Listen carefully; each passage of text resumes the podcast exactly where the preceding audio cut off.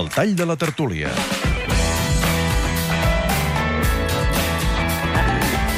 Som al matí Mare de Catalunya Déu, Ràdio, una tertúlia animadíssima d'una part de la Ens ha tertúlia faltat que no hem temps tingut, avui, que ens ha és faltat temps. a Madrid tot aquest tema de les comissions no se'n parla perquè no van tenir un Pasqual Maragall dient aquí el problema és el 3% i aquí tothom parlava de comissions i a Madrid eh, passa exactament el mateix. Home, el La cas Gürtel, perdona, El només cas cal Gürtel veure el cas. Gürtel, quina és l'operativa. Tot Està I el cas Bárcenas, evidentment. Senyor David Bassa, Bueno, una Com s'ha tertúlia, una tertúlia avui encesa, eh? animada, eh? animada, eh? Sí, Sembla estic que venien escalfats de fora, no?, diguéssim. Una tertúlia, podríem dir, mm, gairebé bipolar, tenim una, no?, perquè... Tenim una trobada amb els, amb els súpers, que Molt mira, super, això això ens serà diferent, serà diferent. Una tertúlia amb dos grans temes, dos de grans temes que han encès eh, el debat. Primer, la, la consulta, paradoxalment avui hem Sí, començat de la consulta. insòlitament, Una consulta que es farà el dia 9 de novembre, això és l'única cosa que tenien clar els tertulians, perquè no tenien gaire clar on es votarà, com es votarà i tot plegat. Tot i que, mm, segons la Milagros Pérez Oliva, l'important no és el dia 9, sinó que és el dia 10. Jo crec que tot el tema de la consulta, el que més importarà serà la valoració que se'n podrà fer a l'endemà. L'endemà, tot i que, aquí en Ferran Casas, tot i que, eh, considera que passi el que passi el dia 9, el que, passa, el que passarà el dia 10 ja està escrit, és a dir, que tenim molt mala peça al taler. Si voten menys de dos milions de persones, diran que és un fracàs, que l'independentisme ha punxat, i si van més de dos milions de persones, doncs diran que és una xarlotada.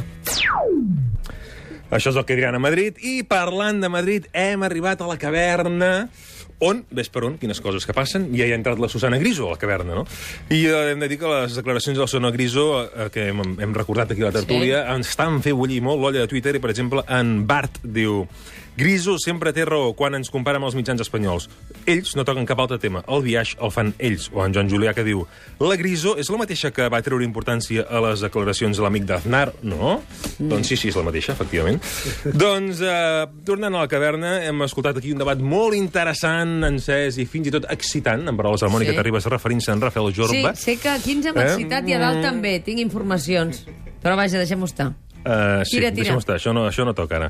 doncs, uh, he perdut? Doncs aquí, amb el debat encès, excitat, de, voltant del periodisme, periodisme català versus periodisme espanyol, amb un Albert Saez que no ha dubtat a disparar contra el Mundo, eh, comparant-lo, clar, és una comparació una mica arriscada, no?, amb el Washington Post.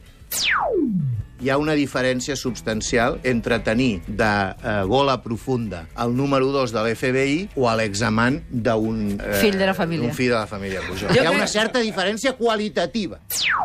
Aquí Aquesta- ho I veiem amb aquí contundència, hi ha eh? hagut un... I quan fa això, els oients no ho poden veure, però quan fa això fa... I s'excita amb els braços i es belluga molt. Avui tot molt excitat, avui, sí. Però el tall de la tertúlia se l'endú la Milagros Pérez Oliva, perquè parlant d'aquest debat entre premsa cavernària i premsa catalana, doncs ella ha deixat molt clar, molt clar quines són les diferències entre la premsa de Madrid i la premsa de Barcelona i, sobretot, mm, fins a quin punt s'han de relativitzar les crítiques quan venen d'on venen. És a dir, aquells que publiquen portades en les que probablement hi surt el senyor Pujol, però hi surt d'una manera en les que es veu molt clarament que és una utilització periodístico-político-partidista, eh? aquests critiquen que aquí a Catalunya no es faci seguidisme d'aquest tipus de periodisme de pamflet. Bé, jo crec que a Catalunya no es fa periodisme de pamflet.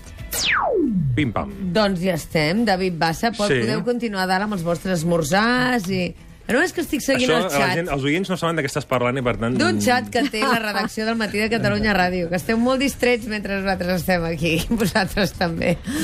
Albert Saez, moltes gràcies. Rafa Jorba, Milagros Pérez d'Oliva, Ferran Casas, Pau, que hi hagi molta sort. Gràcies, Moltes per gràcies. venir. Gràcies. Bon cap de setmana. David Bassa. Adéu. Aquí estem. Ajuda'm a esmorzar a mi també. Eh?